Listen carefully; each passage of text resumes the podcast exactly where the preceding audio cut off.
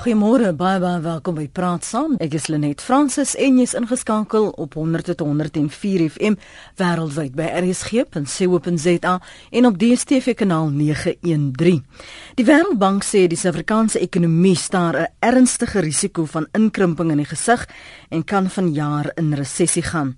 Ekonome waarsku dat inflasie sal aanhou styg weens die droogte wat sy tol reg oor die land eis en uh, dis die eerste keer sedert 1994 wat armoede in Suid-Afrika so afneem, uh, sê die Wêreldbank. En soos Antistini Steyn van agter elke man sou sê, ek weet nie hoekom ons so moet suffer nie. Maar vanoggend gaan ons uitvind wat is dan die verantwoordelikheid van finansiële instellings teenoor hulle verbruikers?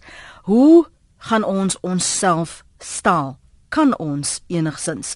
Ons gaste vanoggend is professor Janie Rousseau, hy is by die skool vir ekonomiese en sakewetenskappe by Wits, ook die voormalige adjunk hoofbestuurder van die Suid-Afrikaanse Reservebank. Professor Rousseau, môre.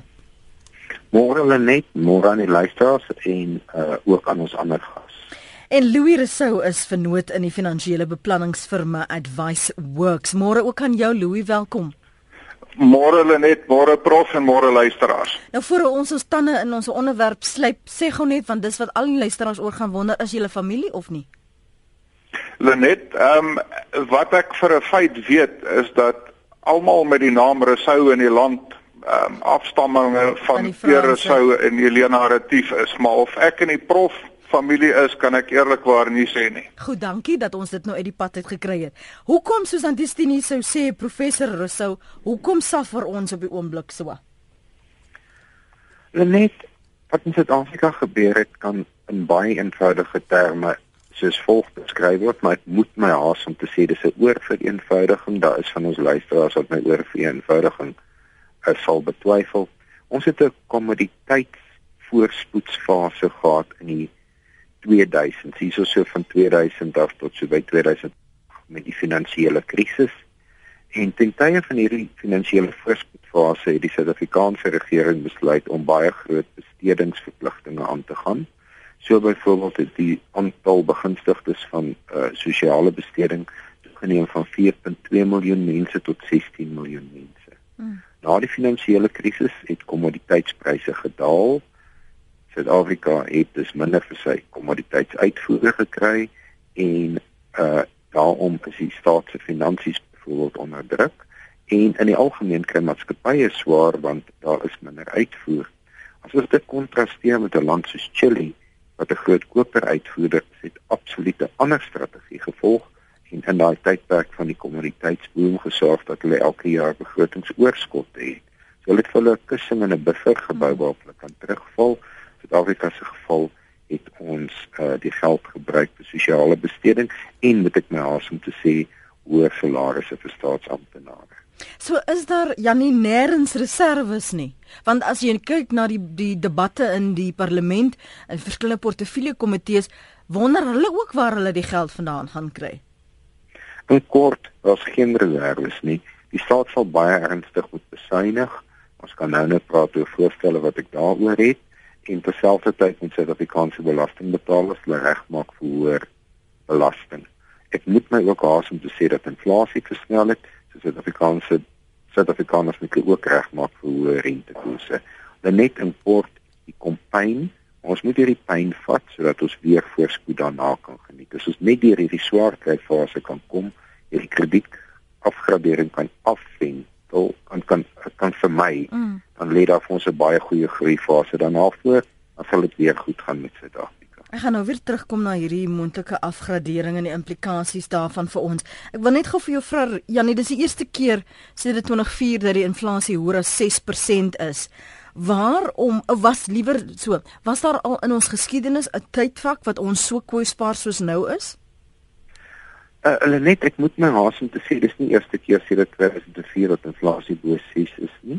Hy was al uh, die inflasie was by geleentheid bo die uh, mikpunt grens van die reservebank. Mm. In elke geval het rentekoerse taamlik sterk gestyg. Ek moet ook daarom vir luisteraars wys dat daar in die 1980 se tyd was dat inflasie tussen 15 en 20% per jaar vir 'n lang tyd was. Ons was toe ook baie kwesbaar en uh destyds is nie op dieselfde wyse gesonde monetêre beleid gevolg soos wat op die oomblik gevolg word nie en dit is juis een van die redes hoekom ek opgewonde oor Suid-Afrika se toekoms is. Daar's baie verantwoordelike monetêre beleid, mm. daar's duidelik ook die tesorie uh, 'n besef dat ons baie verantwoordelike fiskale beleid nodig het. Daarom is ek opgewonde oor die toekoms. Hierdie waarskuwing wat ons nou weer hoor van die Wêreldbank en die die invloed van hierdie graderingsagentskappe Louis as ons afgradeer word na rommelstatus. Wat is die implikasie daarvan? Sê dit ons ekonomie ekonomie hoort nou op die ashoop dat daar nie moontlikhede vir groei is nie. Wat is die implikasies daarvan vir ons? Ag net eerstens moet ek miskien net vir luisteraars daarop wys dat ehm um, redelike vooraanstaande lande in die wêreld tans um, in dieselfde posisie is. Ehm um, uh jy weet Brasilië is 'n is 'n ekonomiese reus en um, Hulle het baie van dieselfde probleme as ons in. So wat 'n ehm um, 'n afgradering tot minder as beleggingsstatus eintlik beteken is dat ehm um, wanneer buitelandse beleggers kyk lande se staatseffekte en 'n besluit moet maak oor wie se hulle moet koop, sal hulle uiteraard meer gemaklik wees om lande met 'n hoër status in te koop. So wat 'n land dan te doen staan as hy ehm um, afgradeer word tot onder hierdie drempelvlak is hy moet 'n sogenaamde risikopremie aanbied. Hy moet met ander woorde beduidend hoër opbrengs aan beleggers aanbied um, as 'n land waaroor almal gemaklik is. Ehm um, en hierdie risikopremie is dan ook gewoonlik ehm um, in verhouding tot hoe swak ehm um, mense 'n land beskou.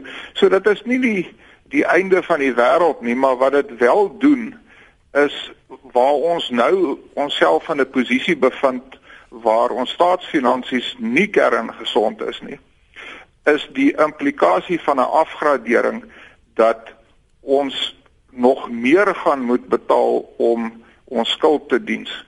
Uh so ek ek stem met uh, Prof Janie saam dit is gebiedend noodsaaklik ehm um, dat minister Gordon beheer oor die staatsfinansies kry ehm um, en die meer populistiese elemente in sy party op hulle plek sit. Mm. Ehm um, net laastens miskien moet ek daarom 'n bietjie goeie nuus ook gee. As 'n mens kyk na die kapitaalmarkte, dan wil dit lyk asof 'n afgradering eintlik as dit ware in die prys al is. Sedert die Nene debakel het ons effekte opbrengskoerse redelik skerp gestyg. Ehm um, en nie net oor ehm um, die gebeure van einde verlede jaar nie, maar ek dink ook in antisisipasie van 'n afgradering. Hmm. Wat is die uitdagings professor Sou wat Pravin Gordhan nou in in die gesig staar? Ek ek hoor nou Louis sê dat hy sal beter beheer oor ons staatsfinansies moet uitoefen en 'n paar uh, parlementariërs dalk in die bek moet druk. Maar maar wat waarmee sit hy en wat kan hy doen en waar is sy hande net vasgebind? Net net vir 'n vraag kom wil ek net in kort met meneer Sou saamstem. En nie net sien ons die inprysing van die afgradering reeds in die staatseffekte koerse waarmee ek 100% met opmerkings saamstem nie. Maar my indruk is ook in die wisselkoers en ek is van mening dat die wisselkoers in die laaste paar dae begin verbeter het omdat buitelandse beleggers tot die gevolgtrekking gekom het dat die nasionale tesourier minister Gordon en alle koste afgradering wil vir my. Vir my. Mm. So wat meneer Gordon moet doen? Nou, dit eintlik werk die staatsfinansies mos mos soos huishoudings se finansies. Daar's inkomste, daar's uitgawes en daar's 'n verskil tussen die twee. As inkomste meer is as die uitgawes, as daar kans om te spaar en skuld af te betaal en dit beskryf ek altyd as happiness. Dit is dit geluk. En as 'n uh, inkomste minder is as uitgawes, dan beskryf ek dit as sadness. En dan moet jy leen gap om aan te vul. In die regering se geval word daar elke jaar geld geleen. Die vraag is hoeveel geleen moet word. Die algemeen aanvaarde riglyn daarvoor is nie meer as 3% van die BBP nie. In Suid-Afrika is ver bo dit op die oomblik, maar daar's 'n plan om dit af te bring. So dit laat nie ek hoor dan eintlik nog twee opsies. Hoe gaan 'n meer belasting invorder en waar kan hy uitgawes besny? Aan die kant van belastinginvordering sal hy moet kyk na sy groot bronne, dis maatskappybelasting, persoonlike inkomstebelasting en BTW. BTW dink ek uh rus te swaar op arme mense en hy moet dit liefs nie doen nie. So ek persoonlik verwag hoër inkomstebelasting veral op mense wat bo 'n miljoen rand per jaar. Maar maar met al daardie verwagte stygings het mense se salarisse, personeel se salarisse nie noodwendig bygebly in terme van verhogings nie. So mense sit op die agtervoet op die oomblik, Louis. Ja, presies, dis een van die Dit is ongelukkig so, ehm um, en en wat hierdie probleem erger maak is die feit dat in die openbare sektor ehm um, was die regering redelik permissief geweest en hulle het nie alleen die aantal mense wat uit die staatskas besoldig word aansienlik laat groei nie, maar staatsamptenare en ander openbare werkers het die afgelope paar jaar wel begroot 'n uh, verhogings gekry wat normaalweg meer as inflasie was. Die die groot pyn word gevat in uh, die privaat sektor waar maatskappye doodgewoon net nie die luukse het um, om mense verhogings te gee as tye moeilik is nie want hulle moet per slot van rekening ook aan hulle aandeelhouers uh, verantwoording kan doen. So ons is ons is regtig in 'n in 'n baie baie moeilike situasie en dit is tipeerend van die toestand wat ehm uh, deur ekonome genoem word stagflasie. Die ekonomie is stagnant, maar inflasie druk is besig om op te bou. So 'n mens sit regtig um, in hierdie dilemma dat enerzijds omdat die ekonomie nie groei nie, groei die publiek se koopkrag nie, maar anderzijds omdat daar inflasie is, gaan die pryse van dit wat hulle nodig het om te koop die hele tyd op. Ehm um, so dit is 'n dit is 'n toedrag van sake wat regerings en monetêre owerhede gewoonlik baie baie hard werk om om te verhoed. Professor Rousseau? Uh, ja, net ek wil net sê die syfers ondersteun absoluut die punte wat meneer Rousseau afgemaak het. In diensneming in die staatsdiens het toegeneem vanaf 1.3 miljoen mense in 2008 tot 1.55 miljoen mense in 2015. Oor dieselfde tydperk het die loonrekening en die vergoedingsrekening gegroei van 195 miljard rand in 2008 tot 480 miljard rand op die oomblik. So daar was absoluut net ruim aan staatsamptenare spandeer. Dit bring ons dan by die vraagstuk van besparing. Daar sal ek eenvoudige goed in die begrotingsrede van meneer Gordon behoor. Mm. So baie graag gehoor dat hy aankondig gaan word 'n nuwe presidensiële vliegtuig mm. van 4 miljard rand gekoop nie. En dan sal ek ook baie graag wil hoor dat hy aankondig dat die regering glad nie meer ingevoerde karre vir politici en vir die regering se eie voertuigvloot gaan koop nie. Die regering spandeer elke jaar sowat 3 miljard rand op ingevoerde voertuie, veral baie gehuurde duur Duitse motors om ministers in rond te ry. Ek kan regtig nie sien hoekom 'n minister nie baie gerieflik kan wees in 'n C-klas Mercedes mm. of 'n 3-reeks BMW wat in Suid-Afrika vervaardig word nie. Wat ons regtig geslag trots Afrikaans ja. wees, ja. trots Suid-Afrikaans wees, laat ons dit by ministers sien wat in trots Suid-Afrikaanse produkte vervoer word. Hoor jou, ek hoor jou, ek hoor jou professor. Adrian, dankie vir die bel. Goeiemôre. Môre, môre net môre aan uh, die tweede sous daai kant. Ehm um, Ek wil net weet ons as besigheidsmense, ek is nou al 'n hele paar jaar so oor die 22, 23 jaar aan besigheid. Elke jaar sny ons terug op ons kostes en onkostes om mense aan diens te hou want ons word gevra hou die mense in diens, moenie ontslaan nie, moenie afskaal nie, moenie dit doen nie kan ons regering ons nie net eens hierdie jaar doen en ook sê hoorie manne ons gaan ook net ons mm. hand terug in ons sak sit en ons gaan ook bietjie sny nie. Of ons gaan nie verhogings vat nie. Dat ons ook net kan sien daar is 'n doel en daar is 'n gewilligheid van regeringskant om te besef dat hulle kan ook bydra. Want anders dan gaan ons mense moet begin sny. Mm, mm, ek hoor jou. Dankie Adrian. Behoede ons as hulle nog in hierdie tye nog gaan vra vir vir 'n verhoging professor Rousseau hoe hoe gaan mense dit in enige manier regverdig? Kyk net wat ek verwag in hierdie begroting is dat sogenaamde sondebelasting baie gaan styg. Dis nou belasting op drank en sigarette. Dan verwag ek ook uh, dan dink ek daar's 'n moontlikheid dat ek liewer sê daar's 'n moontlikheid dat die dividend terughou belasting kan styg van die huidige vlak van 15% sien na 20%. Dan het ek saam met uh mede-navorsers uitgewerk dat as die regering die belasting op inkomste bo miljoen rand per jaar na 45% verhoog en op inkomste bo 2 miljoen rand per jaar na 50% verhoog, daar 'n ekstra 10 miljard rand inkomste kan wees. Ek wil net byvoeg ek het baie respek vir iemand soos Adrian wat al 23 jaar in besigheid is en ek verstaan dat besighede onder druk is. Dit is ongelukkig so dat 5 uit 7 nuwe besighede wat in Suid-Afrika gestig word binne 2 jaar bankrot speel. So vir iemand soos Adrian wat al 23 jaar in besigheid is, ons moet regtig vir sulke mense respek hê. Ons het te min respek vir suksesvolle besigheidsmense in Suid-Afrika. Hmm. Eens wat jy wil byvoeg, eh, Johan, uh, ekskuus tog Jannie, voor ons verder gaan. Louis, ekskuus. Ehm um, net ja, ek dink ehm um, net so seer as wat die regering ehm um, dringend behoort te kyk na maniere om sy uh, sy uh, uitgawes in te kort. Dink ek is dit ook belangrik dat hulle die regte voorbeeld stel um, vir die res van ons. Ek ken daar's 'n 'n ou gesegde in die bestuurswetenskappe wat lei ehm um, dat 'n vis van die kop af. Met ander woorde as die voorbeeld wat die leier stel nie reg is nie, gaan dit mettertyd ehm um, deurfilter na alle vlakke toe. En dit was vir my besonderlik bemoedigend geweest om te sien ehm um, hoe minister Gordon ekonomiese klas gevlieg het. Ja. Uh, na afloop van die staatsrede.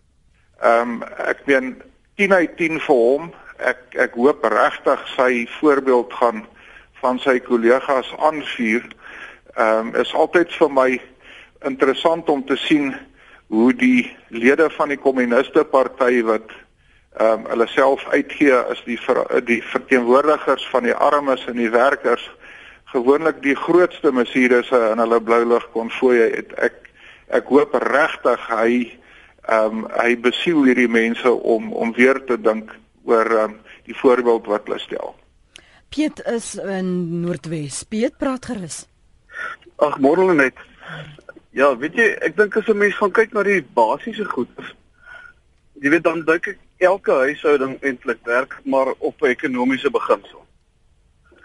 En as jy nou mooi gaan kyk daarna, is daar eintlik net twee maniere as 'n mens wil geld maak, nee, hulle sê mos ehm um, die eerste manier is jy moet meer inkry as wat jy uitgee. Die tweede manier is jy moet minder uitgee as wat jy inkry.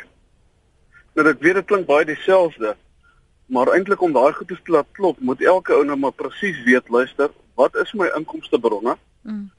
En as ek 'n inkomste probleem het, moet ek weet hoe ek my inkomste kan aanvul. Mm.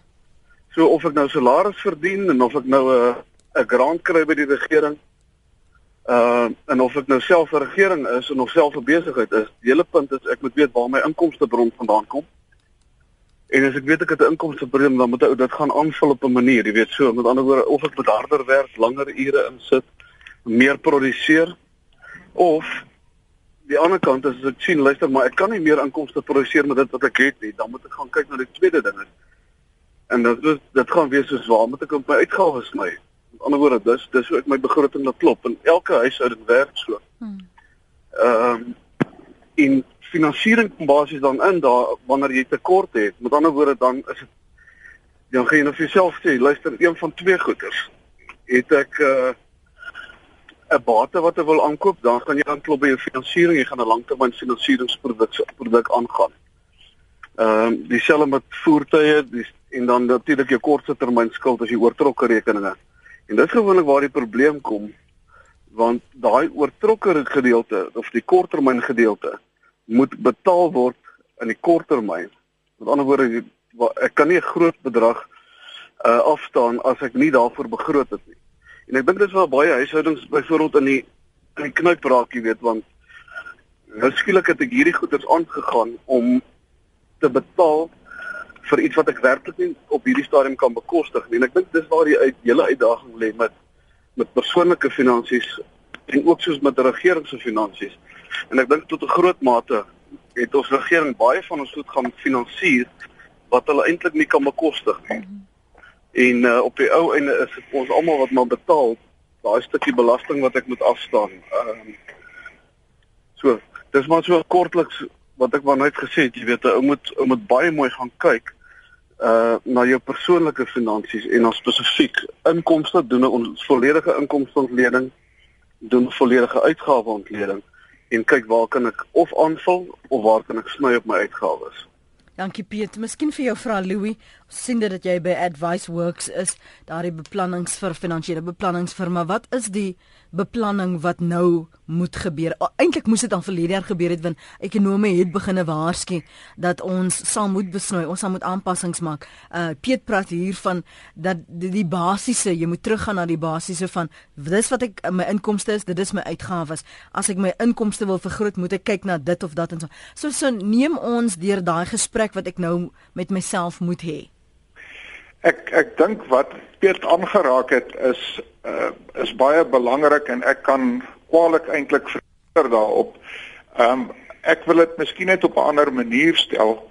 Ek dink 'n mens moet jou bate en laste situasie in perspektief neem en jy moet sover dit jou uitgawes betref, moet jy ehm um, jou langtermyn laste met langtermyn bates ehm um, probeer finansier ehm um, en oorgeset synde korttermyn verpligtinge moet jy met korttermyn ehm um, bates finansier. So mens moet met ander woorde kontant op hande hê vir daaglikse uitgawes. Dit sou dwaas wees om byvoorbeeld aandele te verkoop om vir jou ete môre aand saam met jou vrou te betaal. Ehm um, net so met 'n mens met die oog op die langtermyn seker maak dat jy die koopkrag van jou geld teen die erosie van inflasie beskerm deur in bates te belê wat oor tyd gaan groei met meer as inflasie. Hmm. So ek ek weet dit klink baie simplisties, maar in die praktyk um, is baie van ons aanskuldig dat ons Ons ken die 10 gebooie, maar ons voer dit net nie altyd so mooi stiptelik uit nie. Miskien net 'n ander ding, ehm um, 'n mens moet wat jou uitgawes betref ook mooi onderskei tussen wat verbruiksbesteding is wat nie noodwendig 'n goeie ding is nie en wat investering met die oog op die toekoms is. So 'n goeie voorbeeld is ehm um, om vir my ehm um, 'n nuwe sewe reeks BMW te koop vir 1.5 miljoen rand is doodgewoon verbruiksbesteding en ek is nie oortuig dat die 1.5 miljoen rand se kar vir jou 10 keer meer genot gaan gee as 'n 150 000 rand se kar nie. Maar om vir jou 1.5 miljoen rand se woonstel te koop met die idee om dit uit te huur en jou inkomste aan te vul in die toekoms is investering en dit is nie noodwendig 'n slegte ding nie. En of 'n mens nou kyk hierna uit 'n huishouding se perspektief of uit 'n land se regering se perspektief, soos Piet gesê het, die beginsel bly dieselfde. Ehm um, ek het nie 'n probleem as die regering 'n begrotingstekort het omdat hy belê het in beter en nuwer spoorlyne en hawens en snelweë nie. Uh ek het wel 'n probleem as die regering moet geld gaan leen ehm um, vir groter karre vir ministers, meer ministers en deftige reise vir die president. Hm. Jan, dankie dat jy vir my aanhou. Kom ons maak dit vinnig en kort waars kan. Lynn en Elsa, ons is nou nou dan by julle. Jan praat gerus. Goeiemôre. Môre. Ehm um, ek het tog net noem, jy weet, daar net nou genoem dat eh uh, die regering kan soveel geld leen. Hy werk ook net hy werk soos 'n huishouding soos versoek dan hier sou gesê. Ehm um, maar jy gaan ook nie heel te kort vergelyk met die inkomste van die van die hele woonstel word blok nie. Jy eh, ek kan nie die die want sien tussen die tekort wat die regering die geld wat hy moet leen as 'n persentasie van die BBP. Ek dink dit mekaar te maak. Jy gaan kyk na inkomste en uitgawes. Dit is kardinaal. En ehm um, ek dink die minister van finansies het maar 'n baie klein ruimte waarin hy kan speel. Hy kan belastings verhoog, maar as hy nou soos ek dink is Janie wat het gesê dat uh, jy kan die belastings uh, op die hoër vlakke kan jy verhoog. Maar dit is die mense wat spaar. Want hulle het spaargeld nodig. Hmm. Ehm um, so hy het, uh, ek dink nie hy kan aan die inkomste kant baie doen nie. Hy sal moet iets aan die uitgawe kant doen. En as mense gaan kyk na die staatsamptenare in Pretoria, die karre wat hier rondgery word, okay, dit is natuurlik 'n persoon self, maar mm, mm. dit is nie 'n amptelike kar nie, maar as amptelike karre, dit is groot goeders. Dan wil ek net graag noem dat jy weet uh men jy het ook gepraat daarvan die finansiële instellings moet doen. Onthou net 'n finansiële instelling werk met ander mense se geld. En hulle moet dit bestuur. Dit is nie hulle eie geld nie. Dit is geld wat hulle betrek of dit gedeponeer is of hulle gedien is of so. Mhm. Mm Hy moet dit nou kyk. Dis eintlik al wat ek wil sê. Dankie Jan. Dankie Lin. Goed dan, mooi dag vir jou. Lin. Hallo. Ja, ons luister. Baie goeiemôre. Net daar's 'n Engelse gesegde wat sê to set example is not everything. It's the only thing. En ek is so jammer om te sê dat ons regering doen dit nie. Um ek het vir 35 jaar gewerk en as gevolg van druk en ons konstruktiewe ehm um, behandeling by my werkgewer het ek bedank. So ek het vir 35 jaar het ek bygedra tot die staatskas en as gevolg van BE kry ek nou nie werk nie. So ek het maar net 'n sensitiewe vraag om te vra en ook soos ander wat konstruktief nou behandel word met die druk. Ehm um, is dit nie ook 'n groot eienaar 'n groot seermaak wat die regering nou skade ly as gevolg van hierdie gelykmakende faktor waar daar voorkeurbehandeling is vir diegene wat nie kan werk kry nie. Is maar net 'n vraag wat ek het om te vra of dit nie die volk daaronder lê ook nie. Dankie Lin en Elsa. Hallo. Hallo Elsa. Dit is Elsie. Elsie, jammer. Ja, uh, goeiemôre. Môre. Ehm um, onthou te kom toe die sogenaamde sondebelasting. Ek wil dit so vra gee oor sigarette. Hierdie sigarette wat jy elke hoek en draai te koop kan kry, waar kom hulle vandaan? Is dit smokkel sigarette? Word daar belasting op betaal of of of wat is die storie daaromtrent? En die ander ding wat ek baie graag sou wil weet is hierdie Chinese baie van ons praat, ons wil weet betaal hulle ooit belasting? Hoe werk hulle goed? Is hulle invoer of wat ook al? Jy hoor snaakse stories. So ek weet nie. Ek dink daar's nog baie mense wat rondloop en wat behoort belasting te betaal wat dit nie doen nie. Baie dankie. Elsa se bekommernis daarin. Jannie, kom ons gee dit vir jou 'n kans om wat uh, waarop jy kan reageer. Nou ek wil teruggaan by wat Piet gesê het oor uh huishoudelike begrotings. Ek wil daarom uitwys dat ons is geneig om te vergeet dat wat die staat se begroting betref, sedert 1994 die regering baie noukeurig binne sy begroting bly.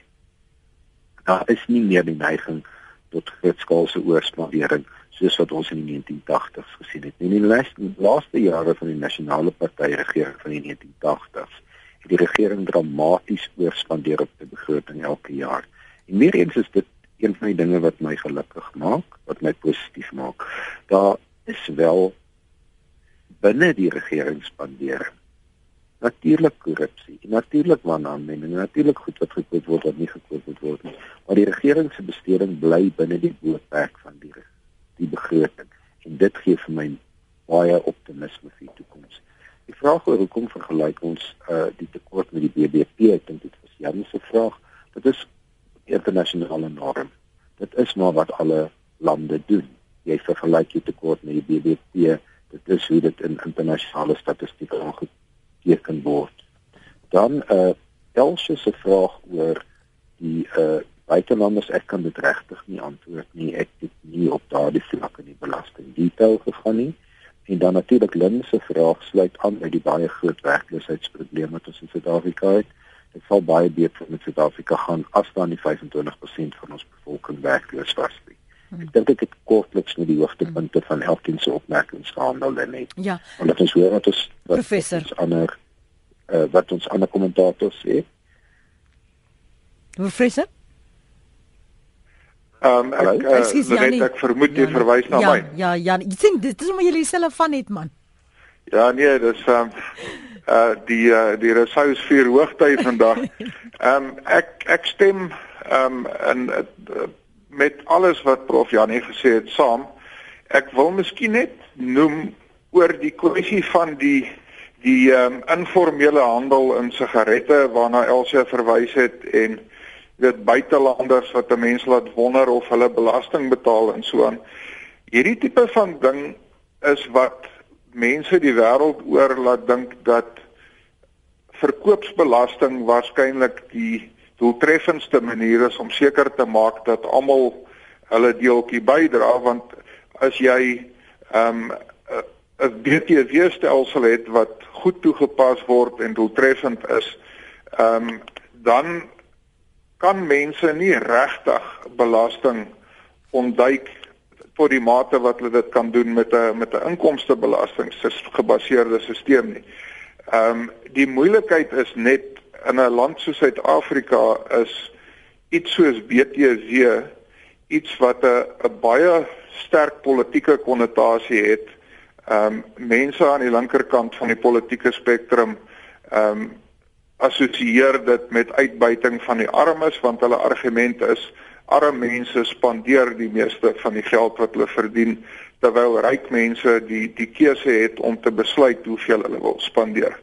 So ehm um, jy weet die die voordeel vir die fiskus van BTW miskien met 'n 1 of 2% verhoog ehm um, is waarskynlik groter, prof Jannie sal beter weet as ek, ehm um, as die verhoging in die marginale koers waaroor hy gepraat het.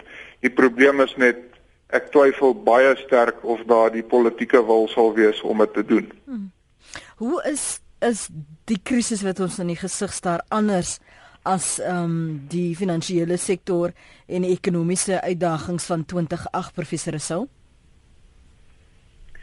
Net in 2007 en 2008 het die regering 'n klein begrotingsoorskot gehad en terselfdertyd het staatsskuld as persentasie van die BBP en ek is nou jammer Jan dat ek nou weer die verhouding gebruik. Ek praat nou nie van die tekort vir lenings waarvan ek net nou gepraat het wat elke jaar se tekort is net praat van totale staatsskuld as persentasie van die BBP afgekom na die omgewing van 25% per jaar.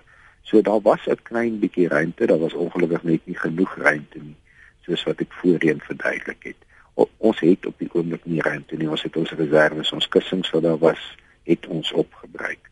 Uh oor uh, die vraag oor BTW het ek uitgewerk dat vir elke 1% punt waarmee die BTW opgaan, byvoorbeeld van 14 na 15, sou die regering sowat 28 miljard rand ekstra aan inkomste kry ek wil weer sê dat ek dit nie steun nie. Hmm. BTW is te swaar op die arme mense.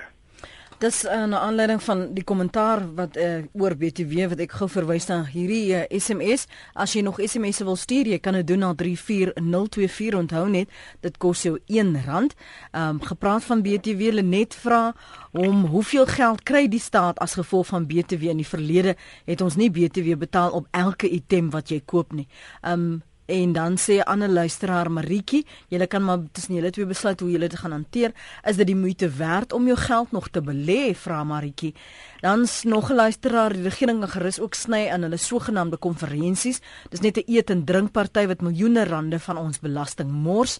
Nog een wat dit ondersteun sê, kan die regering nie die geweldige afvaardigings na internasionale konferensies kleiner maak en so bestaar bespaar nie. Vra asseblief of mense jou aandele eerder moet omsit in kontant tot die krisis verby is, maar weet ons tot hoe lank die krisis gaan hou? Um, jy weet wat is ons groei moontlikhede? Albrief in Kaap sê uh, the solution is very simple if you earn 10 rand spend 8 not 11. 11 nobody seems to understand this.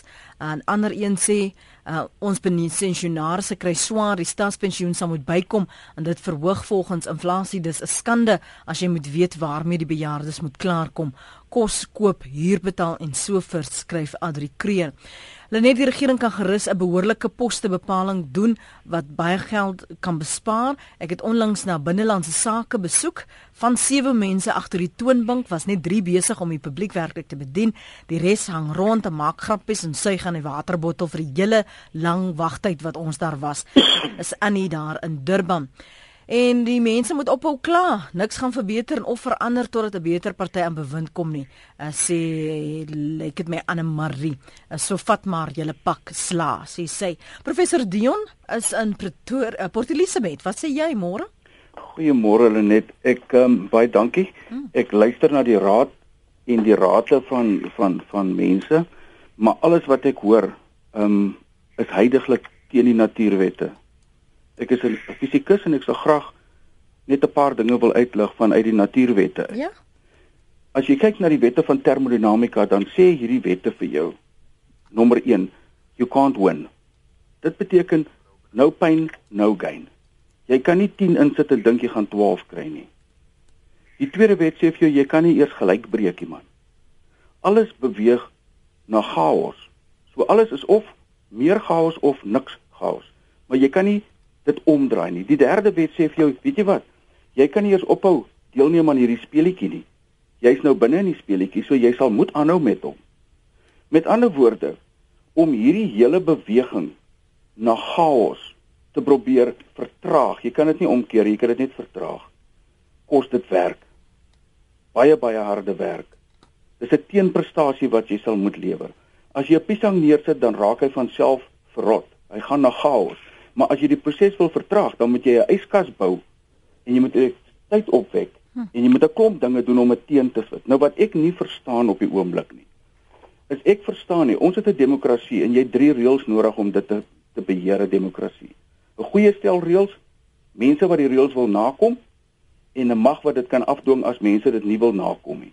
Ons het net een van daardie goed. Ons het 'n goeie stel reëls. So nou is die vraag, maar wat is dan vanuit die wetenskappe die plan? Mm. Wel, ek het een vraag wat ek net wil vra voordat ek dit doen en dit is ons is deel van 'n BRICS bank. En ek dink ons moet iets soos 50 miljard dollar insit in die bank om deel te word van die bank. Maar ek hoor ons wil nou leen by die bank.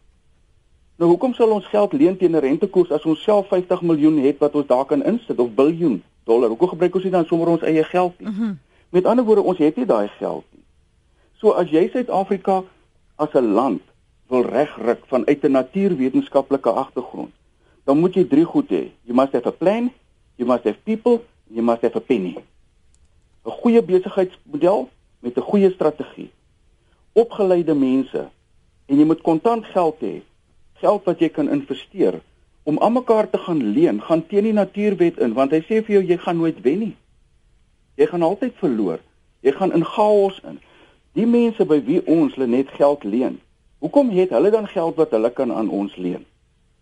Ons moet hierdie plan, 'n plan mense en geld, plan people penny gerigsteen deur baie goeie uitstekende leierskap. Dit is wat ons 'n voortvarende land gaan maak. 'n Mens kan nie jouself voortvarend belas nie. Ek hoor ons moet die belasting opsit, maar jy belas nie 'n land voortvarend nie want die natuurwette sê vir jou jy val net al dieper in chaos. Hmm. Jy sal nooit daar uitkom nie. So my plan sal wees vanuit die natuurwetenskappe uit as ek na die ekonomie hmm. kyk. Dis mense, ons moet 'n plan hê. Ons moet mense hê wat kan werk en ons sal waaragtig moet hard begin te werk. Anders sal ons nêrens kom nie want die natuurwette stop jou om hierdie goed te doen wat ons nou doen. Dit is totaal teen die natuurwette. Sê gou op daai punt, die filosofiese punt, is dit soms beter om dan liewer tot te werk want die die natuurlike vloei is tot by chaos mm -hmm. en dan vanuit die chaos te herbou. Mhm. Um as wat jy uh soos jy nou sê dit ondervang en dan liewer 'n yskas bou of 'n teenvoeter kry om dit te herlei jy, jy soos die Engelse sê die inevitable, laat die ja. inevitable ja. maar eers gebeur en van daar af bou jy. Kyk, almal van ons uit chaos uitstaan altyd baie goeie leiers op. Reg deur die wêreld het dit gebeur. Uit chaos uitkom altyd goeie leiers. 'n Mens moet nou maar besluit hoe ver jy bereid is om die chaos te vat. Die feit van die saak is jy jy jy jy kan nie 'n stelsel kunsmatig aan die gang hou nie. Die natuurwette sê vir jou, dit is absoluut nonsens dat 'n mens R10 in 'n bank kan sit en R12 terugkry. Dis mos nou nonsens. Jy het dan niks werk gedoen nie. So waar kom die R2 vandaan? Wel, dit kom net daarvandaan dat ek die waarde van die geld devalueer en ek dink nou ek het R12, maar eintlik het ek R8. Want ek kan niks koop daarmee nie. So die, model is harde werk. As jy as jy die stelsel wil omdraai, moet jy werk. Daar is geen mahala in hierdie wêreld nie. Ja, die stelsel sal jou vat tot chaos en dan sal van jou niks oorbly nie. Net harde werk gaan jou bo bring.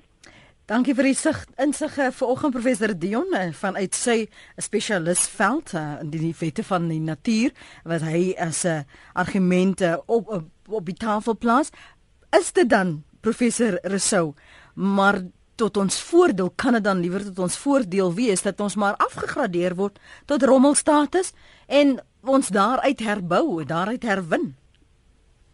Nou net ek is maar 'n versigtige man.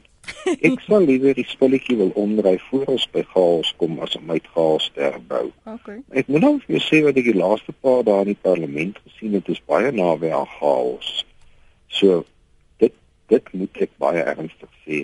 Dit is uiters noodsaaklik dat die uh, waardigheid van die ampt van die president van Suid-Afrika herstel word en net meneer Zuma kan dit doen en daar op daai chaos te voed sal hom opstaan en drie woorde sê en sê I am sorry when kandla tot die tyd en wyl hy nie daardie woorde gesê het nie sal die chaos rondom die presidentsie nie uitgesorteer word nie. En dit is 'n voorwaarde om die chaos in die parlement uit te sorteer. En om die chaos in die parlement uit te sorteer sal daar weer 'n president moet wees en sal alle politieke partye die regerende party en die oppositiepartye die nouste moet saamwerk. Algemene ekonomiese chaos is iets wat ek 'n bietjie bang voor is, wat gewoonlik word gewone mense arm daarin. Hmm. In 'n land soos Zimbabwe waar die inflasie koers na 4.8 miljard persent per jaar gegaan het, het gewone middelklas mense baie arm geword en toevallig baie van die politici baie ryk geword. So ek ek is 'n bietjie versigtig. Ek is 'n bietjie versigtig om te bou uit chaos uit soos nie Zimbabwe voorbeeld kyk mm, mm, maar bou ook nie baie vinnig plaas nie. Ook vaar. Louis, laaste gedagtes van jou, ekskuus Jan. Ja, Louis. Ja, Lenet, ek ek stem heel hartig saam met uh, Prof Janie se sentimente. Ek dink nie dit is nodig vir ons om so Zimbabwe te word om lesse te leer uit wat in Zimbabwe gebeur het nie. Ehm um, ek is nie so pessimisties soos wat party van die luisteraars ooglopend is nie. Ek dink daar's 'n klomp dinge wat aan ons gaan stel. Ehm um, die feit dat die pendulum besig is om terug te swaai in die rigting van ehm um, fiskale verantwoordelikheid vir ehm um, beter kommunikasie tussen die privaat sektor en die regering die feit dat die howe die regte ding gedoen het en ons artikel 9 instellings ehm um, opnuut bemagtig het is 'n baie goeie ding. En ek het dit op goeie gesag dat meneer Gordon se ehm um, terugkeer uh, na die ministerie van finansies toe uh, was die gevolg van baie harde en intense samesprekings en dat sy eis was dat hy 'n de facto eerste minister word met groot gesag om bitter medisyne toe te dien as dit is wat nodig gaan wees om die ekonomie reg te ruk. En ek hoop en ek glo dat sy begrotingsrede een van die dae ehm um, hierdie gevoel gaan reg bewys. Ek dink ons sal moet wag en kyk, maar ons is hoopvol soos jy sê. Louis, dankie vir julle tyd vanoggend. Professor Janie Rousseau en Louis Rousseau, ons waardeer julle terugvoer en insette en kommentaar op wat ons luisteraars gesê het. Goeiedag verder. Dankie Lenet, totsiens. Baie dankie. Tot Dit was professor Janie Rousseau, hy's by die skool vir ekonomiese en sakewetenskappe by Wits. Dalk sal ons hulle altoe weer probeer kry en so na die begroting dat ons dit wat uh, op die tafel is van die minister van finansies in oënskou kan neem. Ek weet daar gaan soos altyd baie ontleding wees in ons uh, monitor en spectrum uh, aktualiteitsprogramme. Uh, ons sal 'n ander invalshoek vind. Sterkte met al daardie groot besluite wat jy finansiële besluite wat jy moet maak. Um, dit is nie maklik nie. Uh, ek sien ook in die koerante dra wat die werklikheid vir ons inhou, uh, wat ons koopkrag vir ons gaan bring en ek dink hier deur hierdie pad sal ons mekaar moet onderskraag en moet help.